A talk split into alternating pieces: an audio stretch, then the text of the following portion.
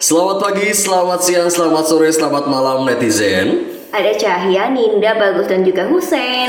Selamat datang di podcast Ngalor Ngidul Ngetan Ngulor.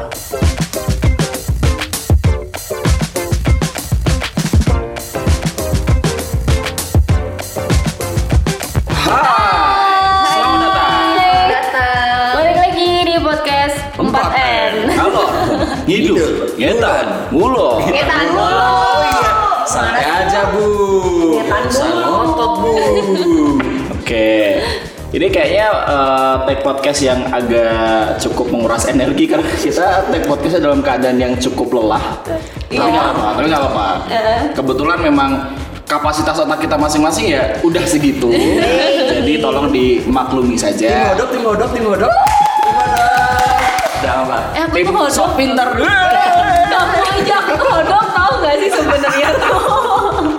Oke lah, kita uh, episode kali ini uh, ngebahas satu topik yang gara-garanya itu adalah pengalaman pribadi gara-gara beberapa waktu yang lalu itu sempat dapat cibiran dalam tanda kutip. Karena kan Cibi, haha. cibir cibir tetangga. Aduh Bising, bising. Oh, iya, maaf. Jadi beberapa hari yang lalu kan aku sempat suka sepedaan tuh. Ini sekalian curhat ya Wak. Jadi kan sering banget uh, sepedaan nah kebetulan sepeda aku tuh warnanya adalah merah muda gitu. Terus ada beberapa komen lah apa sih kok kenapa sih harus warna pink sepedanya? gitu. Tapi tuh kayak aku mikir what's wrong with pink? gitu loh.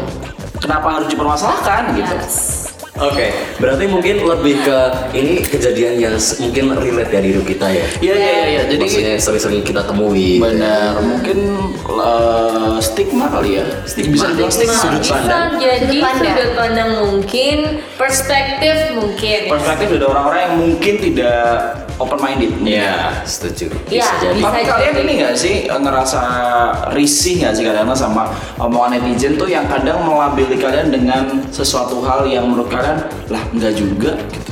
Kalian harus kayak gini karena kalian kayak gini gitu. Mm, misal kayak eh, eh tahu nggak sih kalau anak-anak duta wisata yang cowok tuh pasti gitu gitu itu kan Gitu apa? ya gitu ada nggak usah disebutin gitu terus katakanlah misal apalagi ya eh kalau perempuan yang ngerokok tuh pasti udah oh, udah pasti nggak benar misalnya kayak gitu gitu Kalau jilbabnya besar tuh udah pa- pasti nah Islami. that's right Yes, dan kayak ini orang kenapa sih eh, buka tutup buka tutup jilbab? Ada juga yang seperti Ada itu. juga. Orang ke gereja terus tuh belum Pasti tentu agamis. agamis. Hmm. Nah, jadi lebih ke stigma dan juga perspektif sudut pandang ya. Hmm. Oke. stigma itu kan sebetulnya apa ya suatu apa asumsi orang yang kemudian kalau menurutku pribadi stigma itu asumsi seseorang yang kemudian disebarkan ke orang lain dan itu tuh jadi keyakinan banyak orang. Jadinya akhirnya melabeli diri kita sendiri. Mulai beli ya Iya, kelompok-kelompok yang tidak sesuai dengan norma sosial akhirnya kan. Sebenarnya kalau dikatain tidak sesuai norma sosial juga enggak sih? Kalau menurutku. Karena gini, norma sosial itu terbentuk karena kesepakatan sosial kan. Jadi maksudnya lebih ke situ. Maksudnya norma sosial yang aku maksud kayak gitu. Ah, biar lebih jelas aja. Biar lebih jelas aja. Kenyataannya. eh tapi kalau stigma itu eh, selalu berhubungan dengan hal-hal negatif nggak sih menurut kalian Eh, Depends on, maksudnya kayak eh, negatif atau positif akhirnya perspektif ya kalau menurutku. Kayak misalnya eh, orang yang suka ngasih-ngasih eh, ke pengemis ke apa itu pasti orang kaya. Itu kan kadang ada sti- stigma kayak gitu kan. Dan itu juga negatif atau positif tergantung dari orang yang menangkap pesan itu sendiri sih. Iya, tapi kalau itu kalau nggak tahu deh, kalau aku tuh mikirnya adalah stigma itu pasti hal-hal yang negatif. Coba kita cari di ini ya, di Go KBBI Mungkin bisa dibandingkan dengan paradigma. kamus ya stigma, Stigma, paradigma, paradigma. ya ya ya ya, ya. perspektif Iya. Ini ya, kalau menurut KBBA, eh, UMB stigma- aja lebih. Hah? Apa? Pakai UMB. Oh, PMB. WIB. Kalau KBBI itu stigma adalah kata benda. Yang pertama bisa berarti kepala putih. Oh, Oke, Iya, kepala iya. putih. Oh iya benar di biologi ada kayak gitu. Benar benar benar benar gitu. Yang kedua adalah ciri negatif yang menempel pada pribadi seseorang karena pengaruh lingkungannya. Oke. Dan yang ketiga adalah tanda. Itulah kenapa aku percaya bahwa stigma itu Selalu berbau selalu negatif. berbau negatif. Gitu. Jadi emang ya kalau dari definisi tadi sih stigma kaitannya sama hal yang negatif sih. Oh gitu paradigma. Gue jadi penasaran. Coba coba coba. di googling. lebih Nah sambil nunggu sambil nunggu Ninda browsing coba deh kalau kalian pernah nggak dapat stigma atau dapat label lah katakanlah dari orang-orang nggak usah aja jauh dari keluarga besar wes kalau keluarga inti sih kayaknya support support aja ya Oh, tidak selalu. oh tidak selalu keluarga inti loh keluarga inti tuh Iya. ayah ibu Iya. Ya, Dan- ya Oh, dari keluarga kakak adik terdekat aja udah ya pernah. Ada yang support, ada yang aduh kayak gitu lah. Betul, Susah betul, itu, betul. itu kayaknya jadi satu bahasan kalau kita ngomongin Eh, keluarga sedih banget besar. kalau kalau Iya. keluarga ya. itu kayaknya kita next next time deh Kayak- masalah keluarga. Di sini keluarga tolong dong saling support gitu. Oh. Ada aja yang gitu. Entah karena tidak berhijab gitu. Nah, kalau apalagi di seorang uh, me as a muslim ya, Yes. pasti stigmanya ih lu Wow, si Hoda bisa bahasa Inggris, Bos. Oh bisa dong. ya kan sebetulnya hodopnya kan cuman ini di set di set Iya, dengan aja gimmick oh, Gimmick. Aku pikir kalau dia lapar tuh dia hodop. Kalau dia Udah sih lapar dan kenyang sama emang kapasitas Kan kita tim otaknya Hodo. sih. Tim Hodo. Oh, iya, iya. coba coba Jadi kayak misalnya eh, selaku cewek muslim kalau nggak berhijab itu berarti kayak nggak bener gitu. Tapi sebenarnya ada eh, kalau ngomongin hadis dan dalil nih ya, memang dalam ah, dalam Islam itu berhijab itu sebenarnya wajib wa wajib untuk menutup aurat. Cuman ya kalau secara apa ya kembali ke pribadi masing-masing ya belum siap gitu loh. Belum Iya, ya. siap. Eh, tapi daripada kita ngomongin tentang agama yang agak ribut ya, Wak. Iya, Wak. kan nanti. Satu bahasan sendiri tuh. apa namanya? Sensitif. Menyinggang dan Sensitif, menyinggung. sensitif dan menyinggung. Tapi kalau stigma-stigma yang lain deh. Kalau aku mungkin stigma yang aku dapat itu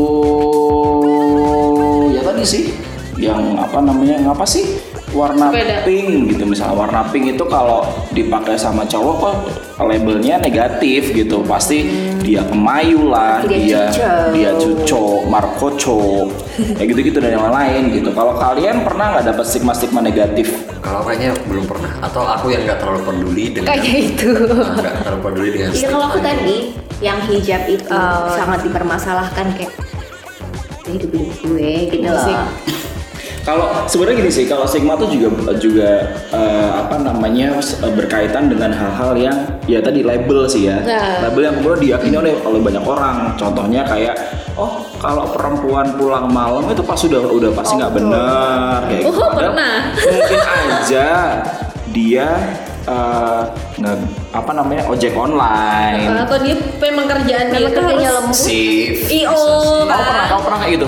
Wah banyak Kayak gimana? sekali kayak satu itu karena kan aku suka pulang malam bukan kenapa-napa nggak clubbing juga. Saya belum pernah masuk klub pak. Sumpah sampai sampai umur sekarang ya belum pernah sekalipun dan nggak pengen. Cuman maksudnya kayak pulang malam karena memang dulu io anak organisasi cie dulu waktu SMA terus itu satu. Yang kedua karena usia udah di 24 menjelang 25 tuh kayak ketika aku memperkenalkan diri bahwa "Ah, I'm, I'm still young gitu kan dengan em, emang berapa tahun? 25 tahun diketawain coba. Kenapa? Kayak tau gak sih? Aku tahu kayaknya. tau, tau gak sih? Jadi kayak eh, mungkin aku udah pernah cerita sama kalian. Cuman kayak ini jadi aku mau share ke, ke teman-teman yang dengerin podcast ini bahwa aku tuh pernah naik ojek online. Dan itu tuh kita ngobrol udah ngobrol biasa gitu kan. Dapat driver yang eh, lumayan. Kayak seumuranmu deh Gus 91-an gitu dia Oke. terus sebut tahun. 91 tanggal 20 Oktober. iya terus Tolong. Tolong yang kirimin mau kado paket bunga. kado silang Pak. tapi jangan jenglot serem wah kayak gitu terus eh, apa aku lagi jalan ke kantor dan di situ tuh kita ngobrol apa segala macam karena sekarang posisi aku ngontrak di sebuah rumah kecil yang buat keluarga muda gitu kan. Dia kaget karena aku di situ cuma sama adikku. Adikku Oke. ada adik sih misalnya kayak dia temenku gitu kan. Cuman karena dia lebih muda dari aku jadi kayak aku nganggap adikku sendiri. Akhirnya dia kayak nggak percaya gitu kalau aku tuh masih single dan mingle kayak gini gitu asik single dan mingle. Habis itu di ini apa namanya ditanyain emang umurnya berapa mbak? Gitu kan. Wah saya emang masih muda mas. Gitu dengan pedenya dong aku ngomong kayak gitu. Berapa? 24 tahun. Dia ketawa dong guys. Sumpah kayak hah? Emang aku salah yang ngomong 24 tahun tuh masih muda? Kalau emang aku merasa aku masih muda kenapa? Gitu loh dan menurutku kayak 24 tahun emang masih muda gitu loh. Tapi memang akhirnya balik lagi oh iya aku hidup di dunia di lingkungan di mana 24 25 tahun tuh usia-usia standar untuk menikah gitu kan jadi kayak- Apalagi perempuan ya. apalagi perempuan ya saya masih perempuan ya masih normal masih straight maksudnya. Dan terus kayak "Ah, oke aku jangan kayak oh, oh, oh ya oh ya oh ya udah gitu kan. Dan nggak nggak cuman nggak habis pikir aja sih tapi kalau tersinggung sih nggak itu terus yang ketiga sebenarnya stigma yang pernah aku dapat adalah ini sebenarnya agak nyinggung Sarah sih. Iya, karena aku orang Jawa dan orang luar Jawa eh, yang eh, adalah pokoknya ada ada suku luar Jawa lah itu eh, selalu punya stigma bahwa orang Jawa tuh lelet, orang Jawa Lambat. lambat, pemalas. Oh, ini kalau ada kebakaran suka lama. iya kan? Kalau misalnya Iya, iya, iya. kalau orang-orang tuh mikirnya adalah orang Jawa, entah itu orang Solo, orang Jogja, apa, orang eh, Jawa Tengah, Jawa- Timur Jawa Timur. misalnya atau ya pokoknya orang Jawa lah, suku Jawa itu tuh selalu eh, diasosiasikan dengan yang kepripun Prabu? Kayak gitu padahal nggak gitu juga itu kan cuman di pementasan wayang atau ketoprak misalnya Pasti gitu kalau gitu main Jawa Timur ya itulah pokoknya Nes Kayak- dan itu tuh nggak cuma sekali dua kali kan. Maksudku karena ah, ya banyak bertemu dengan banyak orang. Kenapa pak kok ketawa gitu? Ada yang habis buang angin Sendawa. ada yang habis kelegekan guys. Oh tadi itu kan lagi ya kan terus karena Oh takut God. masuk mikrofon jadi dia memalingkan muka. Padahal aku lihat. Itu ya gitu. jadi sebenarnya agak sarah sih cuman akhirnya aku mencoba untuk eh, dibilang membuktikan juga enggak tapi lebih kayak ya udah be myself aja gitu loh. Ya kalau kamu mau menikmati Uh, na na na myself and I. Nggak ada yang tahu ya? Nggak tahu itu apaan lagu uh, na, me myself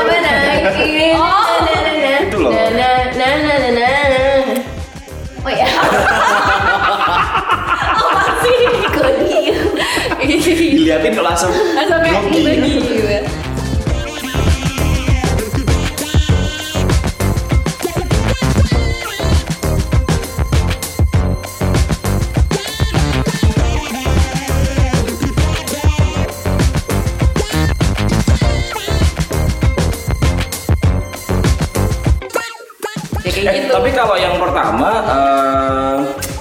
sebelum tag podcast ini aku kan ngobrol sama seseorang tadi terus dapat insight yang baru. Ah. Yang pertama terkait dengan umur 24 itu masih dipandang seba- eh, se- dipandang sebagai perempuan yang sudah cukup umur atau sudah tua dalam tanda Ah. kutip. Itu apakah tidak eh, ke arah asumsi daripada stigma? Kalau menurut kalian gimana? Kalau aku ya karena tidak semua orang menga- me- mengasosiasikan umur 25 itu adalah umur yang tua. Lebih ke sudut pandang. Perspektif ya berarti Iya, ya. Kalau aku sih. Karena nggak semua. Kalau yang suku Jawa tadi itu menurutku stigma. Iya. Karena hampir eh, diyakini oleh banyak orang. Ditambah lagi dengan pementasan-pementasan, kemudian humor-humor di apa namanya? eh, jokes-jokes Ya. pelawak yang di nasional itu tuh kadang suka memainkan Oh, bahwa suku Jawa itu orang yang lelet. kayak. Nah aku itu tetap stigma. Kenapa? Karena lingkunganku, aku kan orang desa ya, say. Yang umur tadi ya. yang umur yang umur tadi. Maksudku kayak aku hidup di mana di kelompok sosialku ini memang masih memegang bahwa usia 22 tahun, 23 tahun. Oh, aku jadi ingat sesuatu. Ini Itu. sesuatu hal yang menurutku uh, menyedihkan sih dan aku uh, sangat apa ya sangat berusaha banget untuk meng- me- me- me- mengatasi hal ini. Jadi Ah. dari dulu karena kan sebetulnya kulitku memang tidak sebagus yang lain. Eh bukan tidak sebagus ya. Kalau sekarang aku menyebutnya tidak seterang yang lain tonnya. Tapi aku sekarang terang. mikir bahwa ini tuh ton yang bagus buat aku gitu. Yes.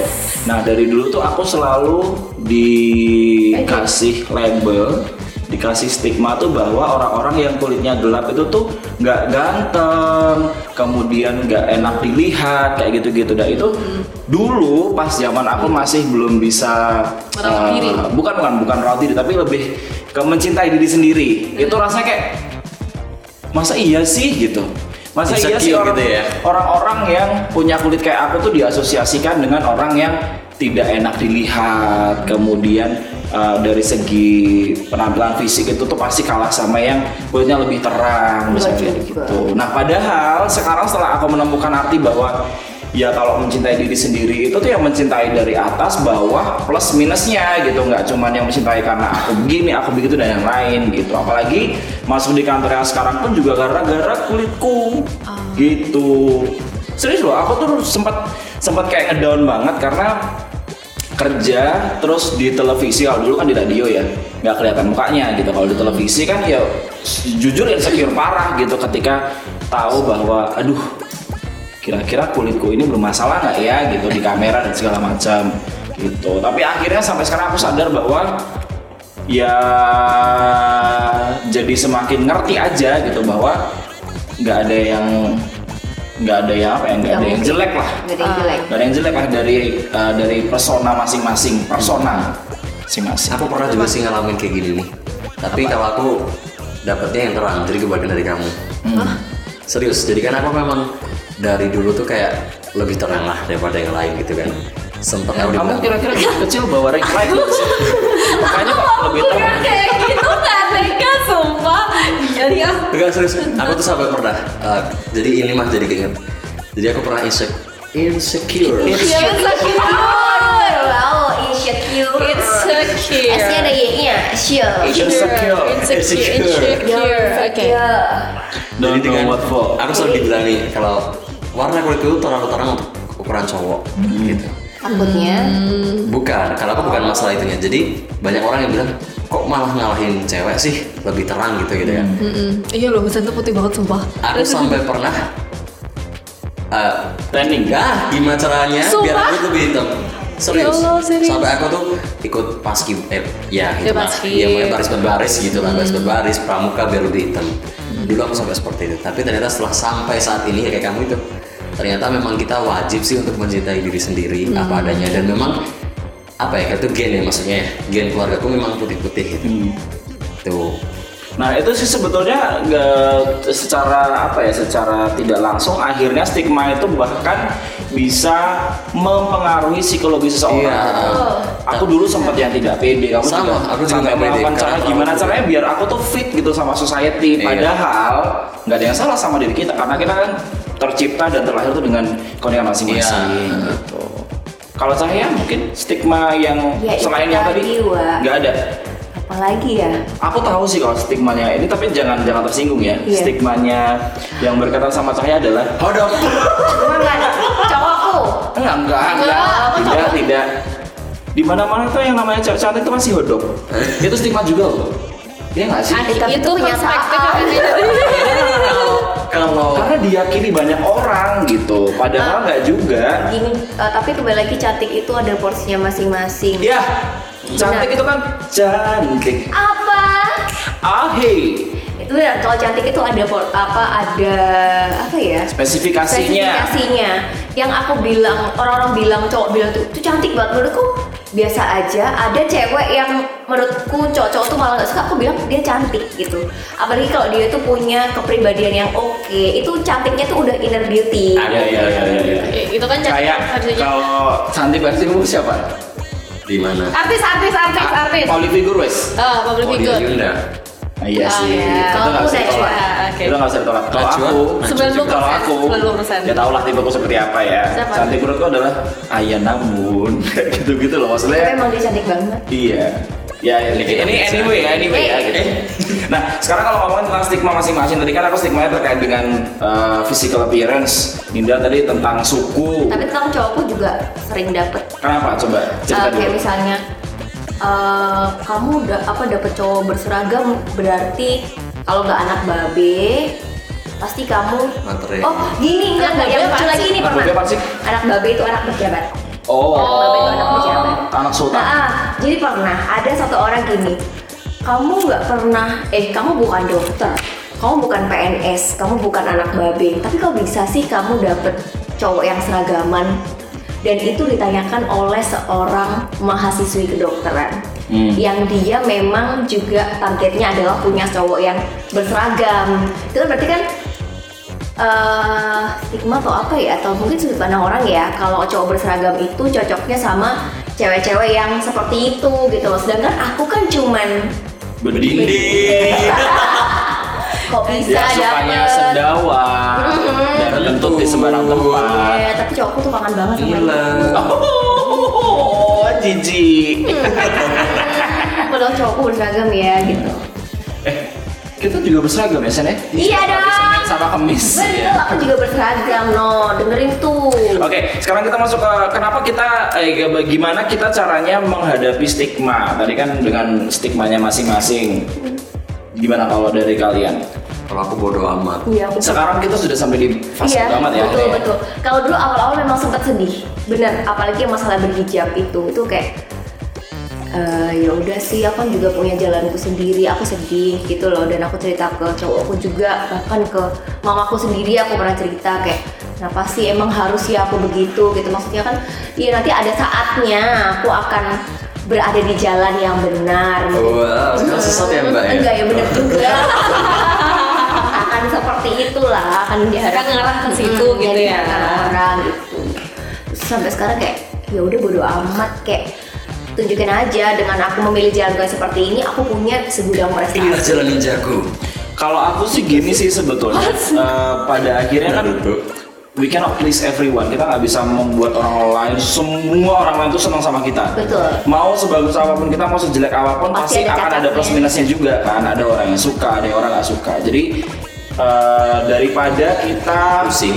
pusing mendengarkan Ada yang sendawa. bener loh aku tuh nggak bisa duduk di lantai daripada kita Beneran. Ya, mendengarkan dan aku udah keburu tau gak sih sumpah daripada kita mendengarkan orang lain mending ya udah kita tata hati aja kita Betul. fokus sama achievementnya kita sendiri dan ya udah netizen dan uh, society mah menurutku nggak usah terlalu dipikir pusing-pusing lah walaupun mungkin bisa aja didengarin sebagai uh, preferensi aja yang Preferensi, sorry. baik yang baik didengarin di- apa buat masukan yang jelek ya udah Tapi bersikap bodo amat tuh juga perlu banget loh mas. perlu perlu perlu. Sebuah seni bersikap bodo amat. Iya. Itu buku siapa? Gitu. Ini bagus loh itu bukunya. Anyway. Dan itu tuh kayak buktiin aja lah dengan achievement. Achievement. Achievement. achievement yang dia buat ngebeli omongan mereka gitu loh. Dengan Aku udah, gue beli. Itu apa itu? Alkarin. Lagi. oh oh. Aku suci penuh tambah eh. Mbak penuh dosa. Eh, kamu suci aku Aku berdosa Eh, iya nggak sih lo nih? gitu I'm a bad girl asik Itu sih paling eh, kalau Linda apa? Gimana cara mengatasi stigma? Eh, be- kalau aku sebenarnya orangnya baperan banget ya. Jadi ketika jujur aku aku pengakuan dosanya aku di sini baperan banget. Jadi ketika ada orang yang mikir kayak gitu tentang aku tuh aku kayak merasa tersinggung karena aku nggak kayak gitu gitu loh. Cuman pada akhir-akhirnya semakin ke sini bahkan baru tadi sih kayak aku mikir lagi iya ya ketika ada ada perspektif seperti itu apa atau stigma seperti itu apa sih yang harus aku lakukan? Ketika sistemnya adalah stigma itu adalah label yang diberikan orang lain ke kita. Kalau uh, disambung-sambungin sama ilmu kuliah ya say itu kan kayak sebuah pesan yang kita yang dilontarkan mereka ke kita sebagai penerima. Berarti kita punya hak dong buat tidak menerima itu gitu loh kita punya hak untuk menerima ataupun tidak Keti- ketika kita menerima itu ya gunakanlah untuk evaluasi diri kita dan benar self love itu penting meskipun ketika kita self love mereka tetap benci sama kita ya udah nggak apa-apa itu kita Iya, iya, iya. suka sama diri Karena kita, aja. kita kita tidak pernah akan bisa mengontrol pikiran dan eh, asumsi orang. yang bisa kita kendalikan tuh diri kita sendiri. sendiri. Per- Tinggal kayak misal nih, ah eh, kamu hitam kulitnya gini gini gini. Ya kenapa? Menurutku hitam bagus, eksotis gini gini gini. Ya meskipun awalnya sakit hati, tetap ya manusiawi banget. Cuman Iya. akhirnya bagaimana kita bisa mengontrol emosi itu dengan logika yang bisa diterima gitu loh sehingga kita itu ketika membuat sebuah keputusan mau itu meledakkan emosi ataupun kita bersikap sok cool itu akan lebih tepat gitu loh kalau kita mikirnya pakai logika gitu. Oh, Anjir serius banget. Apa jadi kepikiran sesuatu deh? Apa? Eh, kita memang tidak akan pernah bisa mengontrol pikiran dan asumsi sese- eh, seseorang dan juga society ya. Yes. Tapi aku percaya bahwa aku percaya sama yang namanya karma. Ah iya. Jadi ketika kita berbuat baik, ya kita Akan dapat akan kebaikan dapat juga. kebaikan juga. Apa Kalau yang kita kita tanam dan itu dia. apa yang kita tuai juga. Ya, jadi ketika emang kita pengen nih diperlakukan seperti ini sama orang, kita harus memperlakukan seperti ini juga sama orang. Kayak omongannya Husa di podcast sebelumnya yang beberapa minggu lalu. Kamu kasih Yang mana A, yang dia? Kamu kasih A, aku kasih A plus. Pak Guru, ini Apa namanya? lebih ke situ. Gitu sih, jadi emang sebetulnya ya akhir-akhirnya kita nggak bisa ngontrol orang gitu. Gitu aja. Kayaknya ini episode terserius ya. kita. ya tapi iya loh karena aku melihat juga teman-temanku Banyak kayak kena kejadian kayak gini tuh. Iya dan akhirnya mereka kayak kena mental breakdown gara-gara Ah, Iya iya stigma iya, itu bener sih, bener. gitu itu yang itu yang harus harus diwaspadai karena beberapa tahun belakangan tuh kayaknya yang namanya mental health ya itu tuh. Jadi isu yang yang orang tuh jadi makin aware gitu loh bener loh itu jadi bener-bener bikin minder. Hmm. iya bener kan jadi bener Aku kan terus kayak kecil aku- hati. Gue mana yang cowokku emang yakin kamu sama aku aku bukan dokter dan ini ini, ini loh. Ah, caca, senasib. Oke. Terus kayak jadi ya cowok, udahlah. nggak yakin." Hey. itulah kenapa kalian tidak dipertemukan sebelumnya Betul.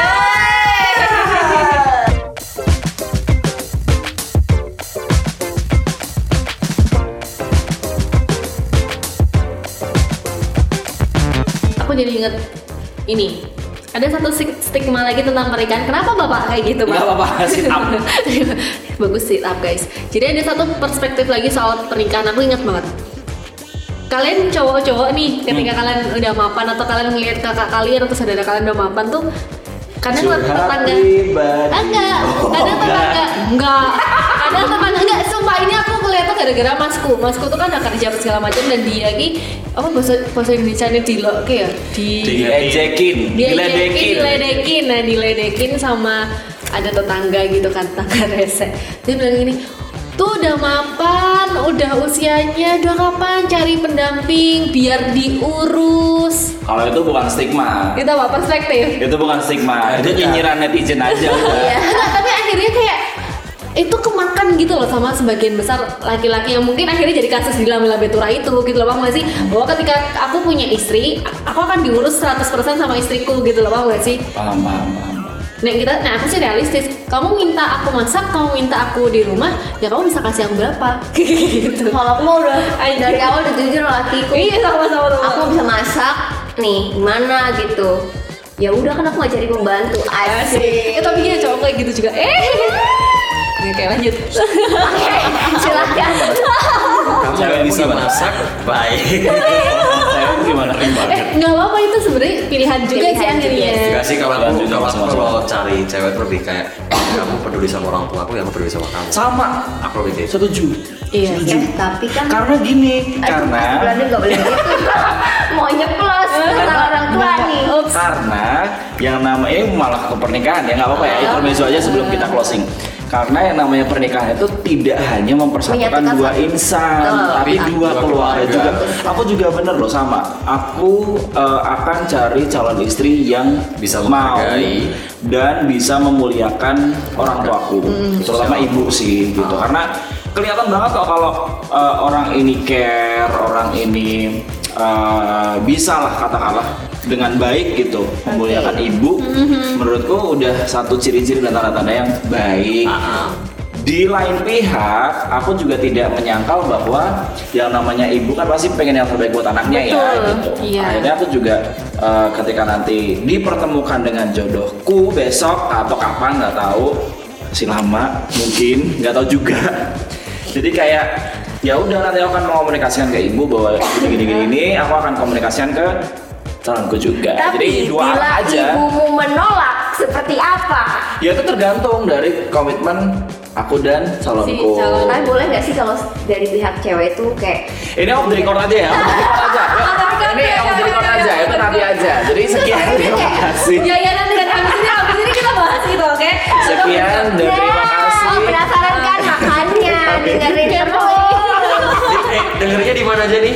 Di Spotify bisa, Spotify bisa. Google Podcast Google bisa, Podcast, di Apple Anchor. Podcast juga bisa. Karena kita akan membahas soal pernikahan yang tidak direstui. FM juga bisa. Padahal Oke. kita belum nikah. Gak apa-apa kan udah ada yang tidak restu. Eh, Oke oke oke terakhir nih kalau buat aku eh, kalau pesan aku bukan pesen sih kayak mungkin, mungkin sharing aku buat teman-teman semuanya masalah stigma itu adalah kalian tetap punya hak untuk mau menerima itu atau tidak yang jelas kalau katanya di Aris kita nih ya kita cuma punya dua tangan which is kalau kamu mau ngasih 10 orang ya kamu harus bisa merelakan 8 orang itu nggak bisa dikasih eh, dalam waktu yang sama gitu kalian harus right. gantian gitu loh which is kayak kamu nggak Wow, bisa sekali, wah. Aku juga punya kata-kata bijak. Ya, Lanjut. belum bisa kamu harus bi- eh, apa, tidak bisa membahagiakan orang lain dan ingat ya stigma itu hanyalah sebuah eh, perspektif yang akhirnya diamini oleh banyak orang atau sekelompok orang yang mungkin ada di sekitarmu kembali lagi kamu mau nerima atau enggak it's up to you silahkan dipikirkan diresapi dan kira-kira bermanfaat nggak buat kebahagiaan kamu Dan be happy diterawang. be happy Aku terakhir ya sebelum closing. Kalian mau kalau mau nambahin mau boleh. Aku mau Aku nambahin terakhir ya. juga. Aku terakhir ya. Kalau aku lebih ke ini ya. Terakhir, aku dulu, aku dulu. Terakhir, terakhir aja, terakhir aja. Maaf, maaf, maaf. Terakhir aja. Balik lagi aku akan bilang bahwa we cannot please everyone. Kita tidak bisa membahagiakan siapa orang. Daripada kita berusaha untuk membahagia- membahagiakan semua orang, pilih aja orang-orang yang ingin kita bahagiakan. Udah titik. Kalau aku, kalau aku, eh, kalau kamu mau memang membeli omongan orang-orang itu belilah dengan prestasimu. asik Bener. Mas mau banget ya. Kalau aku ini, kalau aku selalu berpegang apa sama kalimat ini. Eh, mungkin ini, ini ada ada beberapa multi tafsir ya. Jadi aku punya kayak prinsip. They ignore you now, they Hah? will need you later. Hmm. Kalau aku they will need you later Ya, I see. Iya. Ka- Itu sering terjadi sih di Ah, kamu pokoknya itu society. ignore itu kalimat ignore itu jadi banyak multi tafsir gitu. Ignore tuh bisa mengacuhkan, bisa kemudian meremehkan, estimate, Eh. dan lain-lain. Yes, dan kita nggak bisa nggak akan pernah bisa mengubah pikiran, hati, perasaan orang lain. Yang bisa kita kontrol itu cuma diri kita sendiri. So, be happy ya. Arya bagus pamit. Cahaya juga pamit. Dinda pamit. Sampai jumpa di episode selanjutnya. Bye.